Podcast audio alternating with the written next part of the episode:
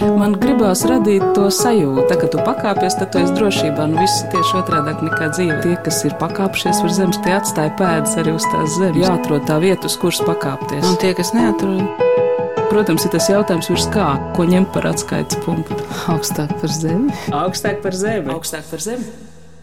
Esiet sveicināti! Šobrīd un vēl līdz 28. augustam galerijā Basteis skatām tekstilmākslinieces Ivetes vecenānas izstāde Dievdārs puķīts. Senie mūri, platās iepaļās durvis, galerija atrodas 16. gadsimtā celtā vecrīgas spīķerī, mudina telpā itin kā ienirt. Un to pašu dara arī Ivets vecenāns pēdējo piecu gadu laikā tapušie gobelēni. Zaļās krāsas, tūkstoši nokrāsas dzīparu pie dzīparu virmo, itin kā skatītājs vairs neatrastos pilsētas centrā, jo tik dzīvīga, tik krāsās mainīga, virmojoša, spēja būt tikai daba.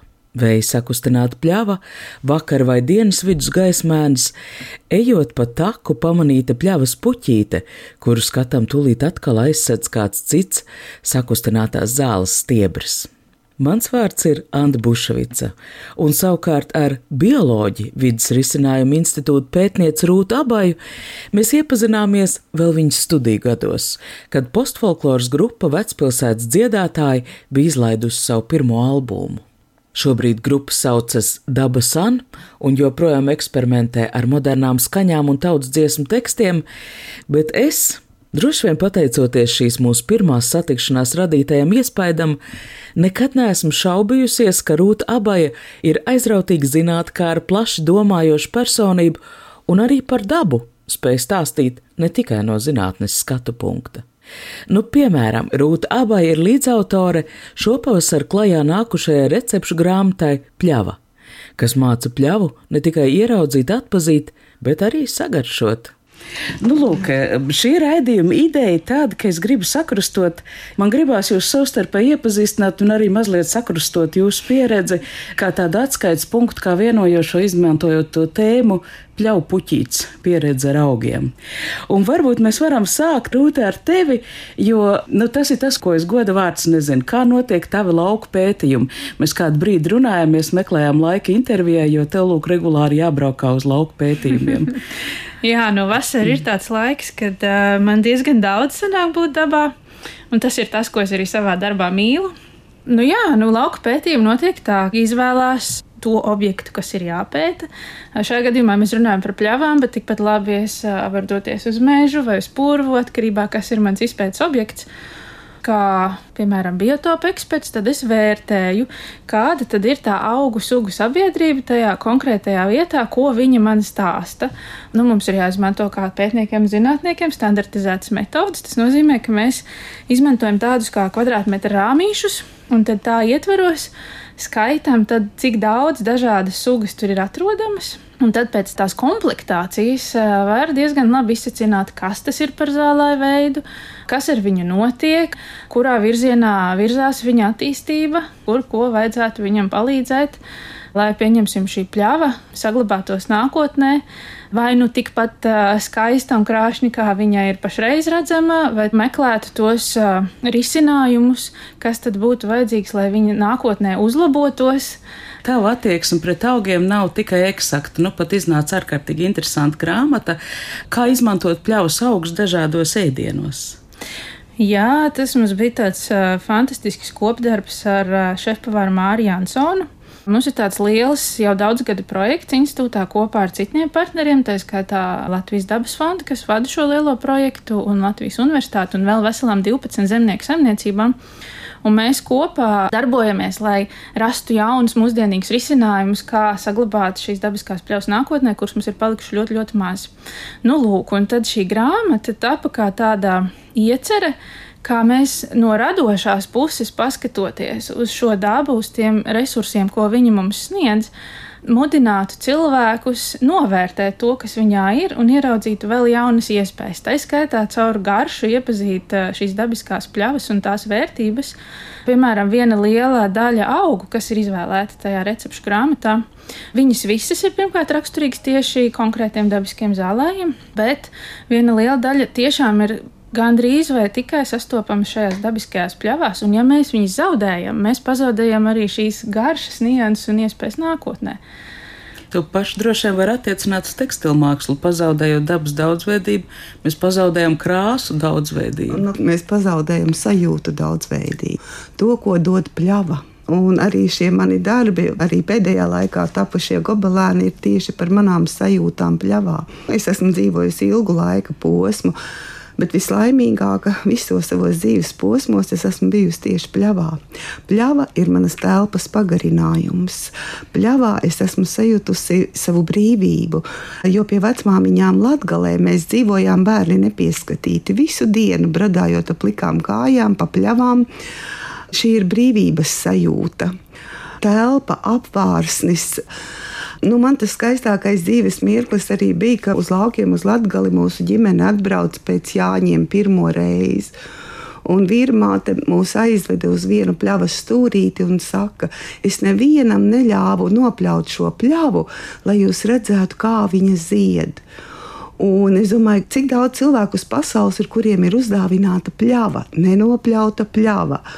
Un tad visi suņi, bērni, mēs sakritām tajās madarās asinzālē un tiešām varējām izbaudīt. Un man ir ļoti daudz šie mirkļi, ko es esmu izbaudījusi tieši pļavā kas ir konkrēti ar šiem ziediem, smaržām, sajūtām.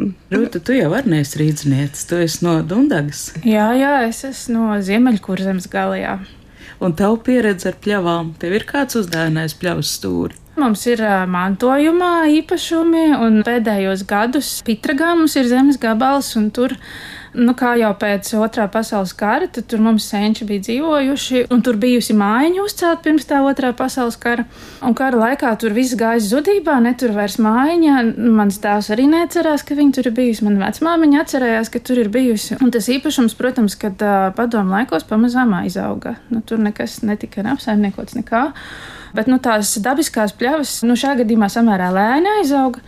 Tā kā es pēdējos gados esmu tik ļoti iekšā šajā dabisko pļauju tēmā, man ir prieks vērot, kā tur tā kādreizējā pļava, kas pilnīgi noteikti nav tikusi ārta, viņa pamazām atdzīvojas, tur parādās ar vien vairāk orhidejas, pat mums tur ir viena jūras piekrastes pusē gan ne sevišķi reta, bet uh, visas Latvijas mērogā gan reta orhideja, sarkanā cefalantēra, kas ir ļoti, ļoti skaista. Man ir milzīgs prieks, ka mums tur ir kādas seši gabali vienā stūrītī aug.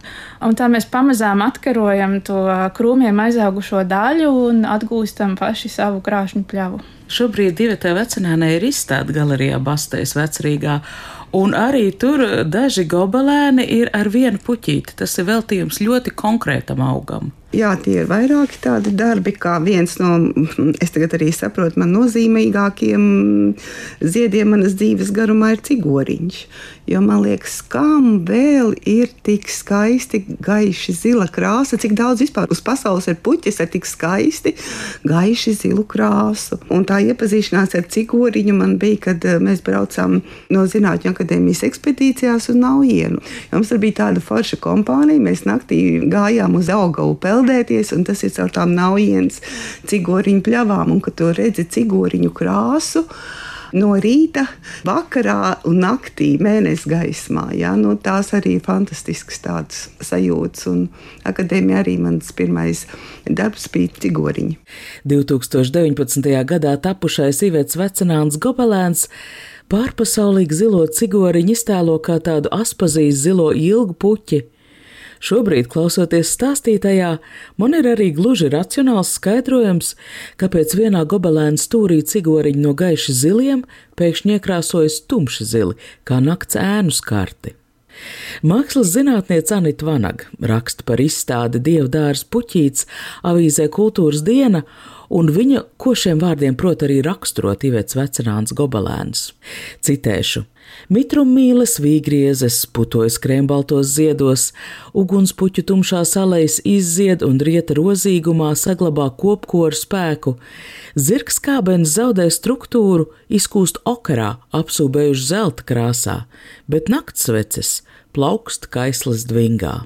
Nakts vecs ir ļoti interesanti puķa, jo viņa nu, tā kā zied, uzzied naktī, naktī smaržo un piedzīvot dienā viņai ir nekāda. Tur ir zaļi stumbri un, un neglīti. Un principā, kamēr es viņu tā neiepazinu, man liekas, ai, priekš kam tādas ir vajadzīgas. Ja? Bet tikko parādās naktis, tā viņa uzzied arī tajā savā citronu zeltainā krāsā un tā smarža plus viņas nozīmība veselības jomā. Ja?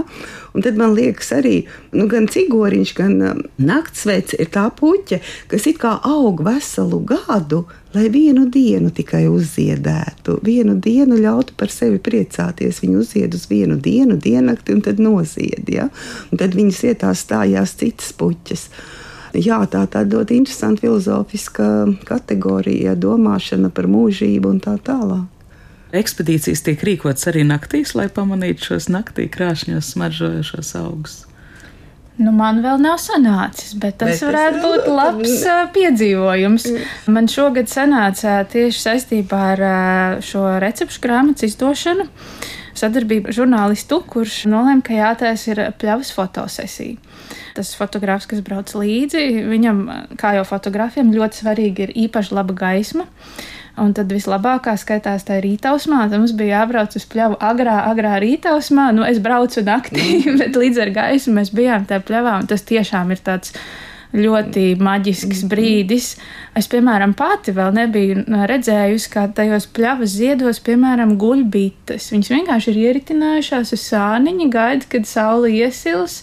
Nožūs rasā, un viņas varēs sākt savus dienas gaitas, un tas izskatās tā apburoši, un arī viss skatā rasa rotājās un kā saule ceļās. Mums tieši trāpījās tajā laikā, kad ir uh, visīsākā nakts. Nu, vēl nav kalendārie Jāņu svētki, bet uh, jau ir pēc visiem dienas garumiem un nakts garumiem tas īstais brīdis, un tas tiešām bija tāds īpašs piedzīvojums. Es prātoju, lai noaustu tādu gobelēnu, nu, es nezinu, cik ilgi tu vien tādu nu, cik tur ir divi metri vairāk? No 1,60 m uz 2,50 uz 3 metriem. Nu, lielos darbus es augu, jā, 3-4 mēneši.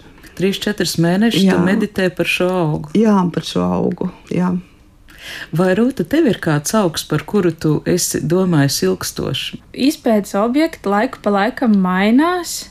Nu, piemēram, tas jau ir daži gadus atpakaļ. Es zinu, ka nu, tad, kad es vēl mācījos par tādu kārtīgu biotopu ekspertu, tad bieži vien mums biotopu mācībās, nu, tur ved uz dažādiem biotopiem, un tad jāatrod tāds augsts čūskmēlīte. Tā ir maza, maza papardīta, kas aug tādās mēreni mitrās dabiskās pļavās. Un es vienmēr apbrīnoju tos pieredzējušākus ekspertus, kā viņi spēj to mazmazītiņo augu atrast tajā salīdzinoši garajā zālē.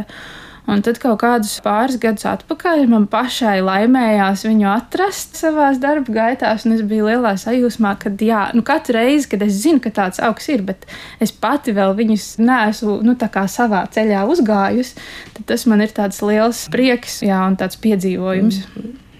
Anita Vanaga rakstot par tavu izstādi galerijā Bastēs atklāja, ka tā ideja, es saprotu, ka darbi tapuši no 2016. līdz šim brīdim, bet tā ideja dzimusi 1991. gadā, kad tev ir izdevies notvert pļavas kustību no 16. līdz 20. gadā. Tas ir tikai tas, kas ir aušanas process, ka es audu fiziski audu. Jā, bet 91. gadā es noaudu pirmo darbu kurš man eh, sanāca pie tam nevis 90 grādu leņķī, bet es nezinu, tādā, tādā citā leņķī, kas bija tā kā brāķītis, bet viņā es varēju noaust šo virmojumu, ka pļava kustās. Paskaties uz viņu, un tur redz, kā pļava kustās, tā kā vējš ieskrienās. Bet vairāk es neesmu varējis šaušanas veidu atkārtot. Es esmu nodus gandrīz 20 gobelēns, bet vēl nespēju atkārtot to, kas bija tajā 91. gadā noausts. Nu, tā, tā kā vēl man jātrenējās. Bet jāsaka arī tas, ka šiem darbiem, atšķirībā no citiem maniem darbiem, ir arī tāds savs aušanas veids, un tas arī šis brīvais aušanas veids.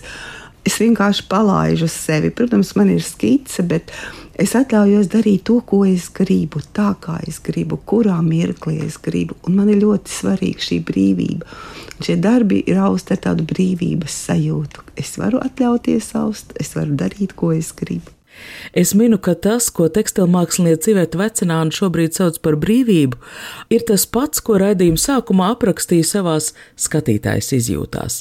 Tā ir tā netveramā ņirboņa plūstošā nepārtrauktības sajūta, ko varbūt mākslā vieglāk panākt gleznotāju otras vilcienos, bet daudz grūtāk īstenot tekstilmākslā. Taču nesekošana skicē vai steļu velku ģeometrijai liecina arī par kādu mākslinieces pašpārliecinātību, ka lūk, pļāve ir tas, kas viņā ir tik dziļi iekšā, ka nav vajadzības acu priekšā turēt paraugu. Un es vēl gribēju te pastāstīt arī par to savu izstādi, kas man ierosināja. Protams, tās man ir šīs bērnības pļavas vai katra dzīves posmā, satiktā sava pļava, sava vieta Latvijā. Bet kādā 16. gadā man bija izstāde Luksemburgas sabatījā, un blakus ir modernās mākslas muzejs. Es tur uzturējos kādu nedēļu, un staigāju, staigāju pa to apkārt, un pēkšņi redzu baltā nātre. Un pie baltās nātres ir pielikta šiltīte ar latīnisko nosaukumu. Un es domāju, nu, ka pasaule vai viena vieta ir nonākusi tik tālu, lai pie nātres liktu šiltīti ar nosaukumu. Es domāju, vai Latvijā tas ir iespējams. Tā mana izstāde arī ir varbūt ne tikai par skaistumu, bet ir par sāpi, par sāpi, ko mēs zaudējam, šo dabisko pļāvu, šo redzējumu uz augiem, augu saprašanu, šo viņu simbolisko nozīmi. Nu, teiksim, ceļa malas āboliņi. Iesim abi vienu vietu, tevi ļaudis kājām mina, mani ņēma valodu valodās. Rūt, kā ir, vai šīs zināšanas zūd? Es teiktu, ka uh, līdz ar uh, pieredzi vai kontaktu, pieņemsim šajā gadījumā ar uh, pļāvu vai ar augiem, kurus tu vari satikt, ja viņi iet mazumā, dabiski, kad zūd arī šī pieredze. Un pļāva patiesībā tas stāsts attiecībā uz pļāvu ir tāds, ka viņa kādreiz ir izveidojusies sinerģijā ar uh, cilvēku, kas dzīvo laukos. Ja tev nav sava lopiņa, tev nav arī mhm. vajadzības uzturēt pļāvu un pļaut sienu, un tā ir tā mūsdienu grūtība un izaicinājums attiecībā uz dabisko pļauju saglabāšanu, kad ja vēl Es savā bērnībā, tos 30 gadus atpakaļ, diezgan labi atceros, ka gandrīz katrā mājās bija sava gotiņa un lopiņa. Mm. Tad uh, tagad, pabraukājot apkārt, nu, tas ir diezgan redzams gadījums, kad cilvēki savai vajadzībai mājās tur to savu vienu govi vai vēl kādu lopiņu. Pļauju augi viņiem ir svarīgi, kad uh, viņu vai nu reizi gadā nopļauj vai nogana, jo pretējā gadījumā viņus pārņem uh, citas tādas leknākas sugas, nu, piemēram, pamazām aizauga ar suņu burkšķi, tur neko nedara. Nu, viņš pats par sevi arī ir skaists, bet vai mēs gribēsim priecāties par apšu laukiem, labības laukiem un tad pļavām, kas ir atstātas un tur ir aizaudzis tikai ar suņu burkšķiem, neredzēsim to simfoniju, kas veidojās no tās lielās augu daudzveidības, kas pie tam vēl sezonas laikā mainās. Un jāsaka, tiešām tā pieredze diezgan strauji šādā veidā zūd. Es varētu turpināt arī par mežiem, kad, ja mēs neredzam vairs tos 300, 400 gadīgos kokus, bet pārsvarā redzam mežus, kas ir stipri vien jaunāki, tad mēs uzaugam ar to sajūtu, ka tas ir normāli. Lai gan tas koks, kas aug mežā, viņš lielākoties tas vecums viņam tiešām var sasniegt tos pašus, no atkarībā no sugas, bet tos 300, 400 gadus. Un mēs tādus mežus praktiski gandrīz vispār neredzam Latvijā. Nu, varbūt ļoti retās atsevišķās vietās, un tie ir ļoti reti cilvēki, kas pārsvarā šādi dabas eksperti, kuriem ir šī iespēja uzmeklēt tādas vietas un apmeklēt. Bet mūsu ikdienas cilvēks šīs vietas neredz, un viņš to nosacīt parasto ainavu, kas mums veidojas šobrīd, apkārt uztver par normālu. Un līdz ar to sabiedrība kopumā stipri vien mazāk uztrauc tas, ka kāda no šīm mhm. īpašajām dabas vērtībām zūd. Tāpēc, ka es neesmu ikdienā ar viņu kopā, man nav savas konkrētās pieredzes kontaktā ar to. Un tas, ar ko man nav pieredze, tas vienkārši man vairs nesāp. Vairumam pilsētnieku nav vairs savas pļavas. Nav caur darbu vai vērošanu veidot attiecību ar pļavu un vienlaikus es tomēr iebilstu, jo man liekas, ka mūsdienu cilvēkam interese par dabu ir milzīga. Arī Rūts abais internetā atrodamajā vizītkartē es lasu, ka viņu interesē gan permakultūra, gan pirtniecība, gan ārstniecības augi. Viņi izzina tautas dziesmas, un visas minētās interešu jomas, man liekas, arī ir paņēmieni, kā modernais cilvēks veido attiecības ar dabu. Es varu paņemt to piemēru, kāds ir tas mūsu koncepts grupā Dabas Sāna. Mēs izmantojam tautas dziesmas, un mēs lasām tās četrindas. Un saprotam, ka tas, kas tur ir ielikts, nu, viņš ir aktuāls visos laikos. Tikai jautājums ir, kā to izpratni nest līdzi šodienas cilvēkam. Nu, piemēram, mana grupas biedre Linda, kur tā sevišķi ir iedziļinājusies šajos folkloras jautājumos un ir arī to studējusi, tad viņa saka, nu kā nu sanāk, tas cilvēks dziedāja par to, ko viņš apkārt redzēja šodienas cilvēks, ja viņš līdzīgā garā dziedātu par to, ko viņš apkārt redz, nu, tad droši vien tas četrindais būtu tur vai nu par motorzāģi vai par automašīnām un tam līdzīgi. Nu, viņš vienkārši ieliek tur to savu dzīvi, bet tā simboliskā nozīme, nu, tā jau saglabājās visiem laikiem līdzi. Tas stāsts, par ko ir runa, nu, emocijas tās jau nemainās gadsimtos un tūkstošos, vai tas dabas skaistuma baudījums. Un lūk, tad mēs eh, vienkārši ņemam šīs četrīnas un nesam līdzi, tā kā izdziedam viņas šodienas formātā. Mēs šādā veidā no vienas puses savienojam to pagātnes cilvēku skatījumu ar to mūsdienu cilvēku, mēģinam radīt to iespēju vai sajūtu, ka mēs joprojām runājam par cilvēciskām lietām, cilvēciskām izjūtām, sajūtām, savienojam šo pagātni ar nākotni un izdziedam caur savām sajūtām un tajā, kā mēs to atrodam skaņu pasaulē skanam.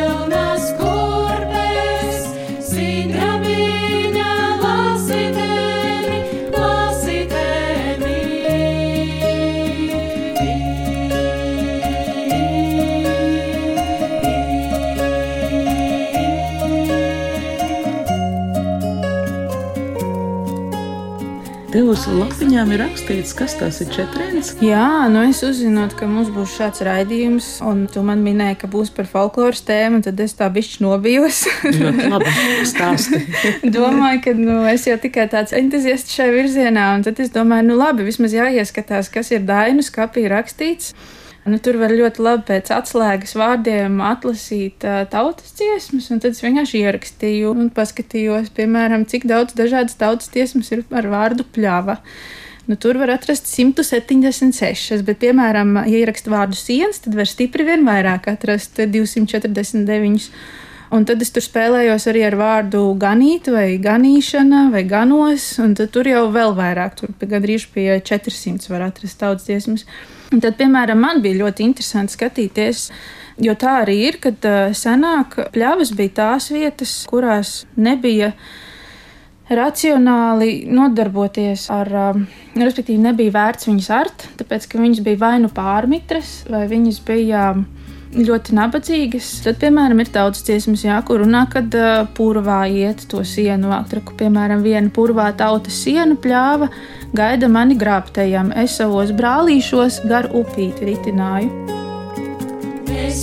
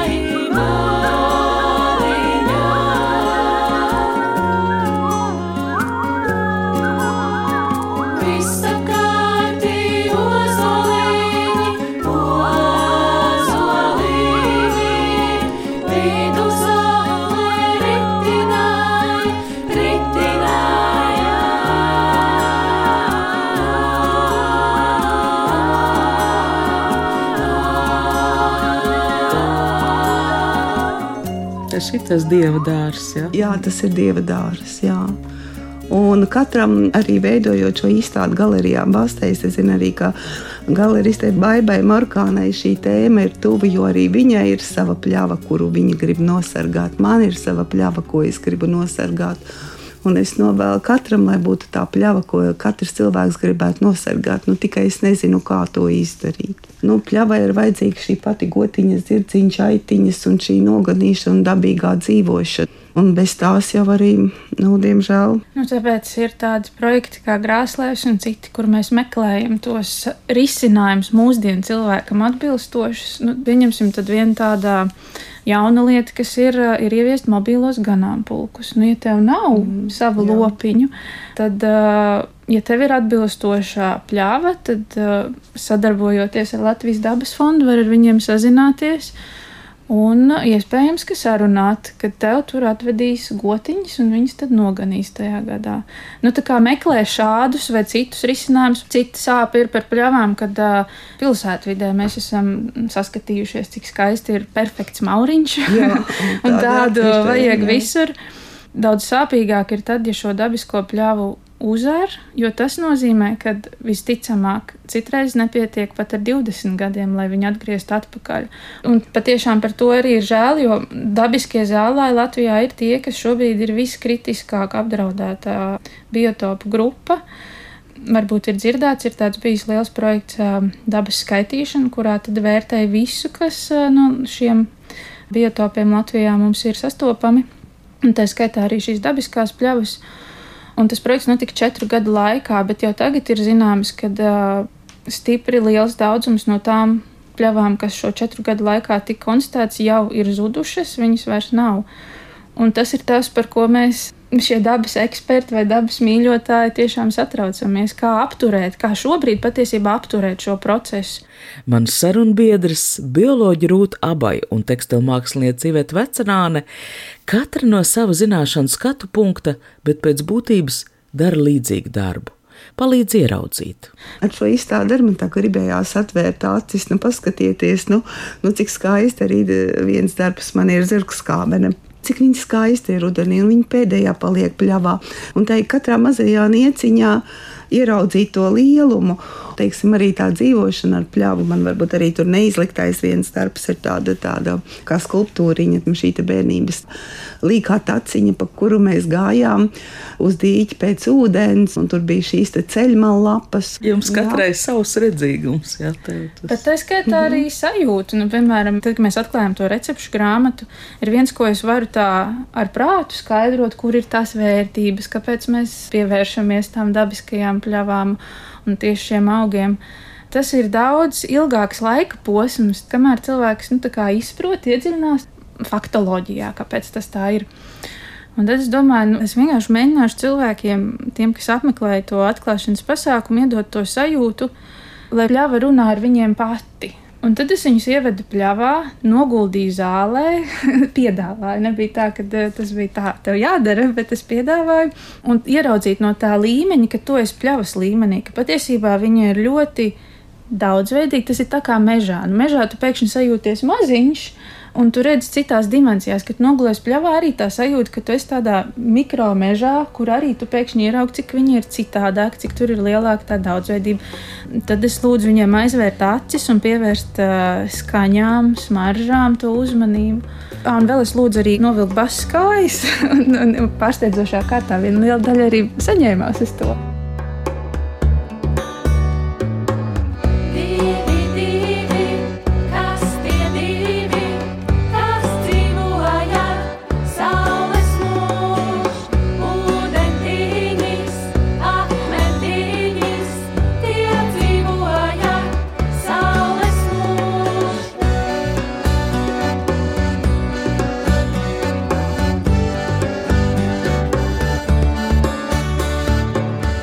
Dievdārs Puķīts galerijā Bastēs līdz 28. augustam, recepšu grāmata Pļava restorāna Kesta internetu veikalā. No jums atvedās šī raidījuma veidotāja. Ar jums sarunājās Anna Bušvica, šī raidījuma skaņoperators Valdis Raitums. Tā kā tu pakāpies, tad tu esi drošībā. Nu, viss ir tieši otrādi nekā dzīve. Tas ir tā spēle, jā. Tie, kas ir pakāpšies virs zemes, tie atstāja pēdas arī uz tās zemes. Protams, ir tas jautājums, ko ņemt par atskaites punktu. Nē, nu, principā ir skaidrs, augstāk par zemi. Jāatrod tā vieta, uz kuras pakāpties. Augstāk par zemi. Augstāk par zemi. Augstāk par zemi.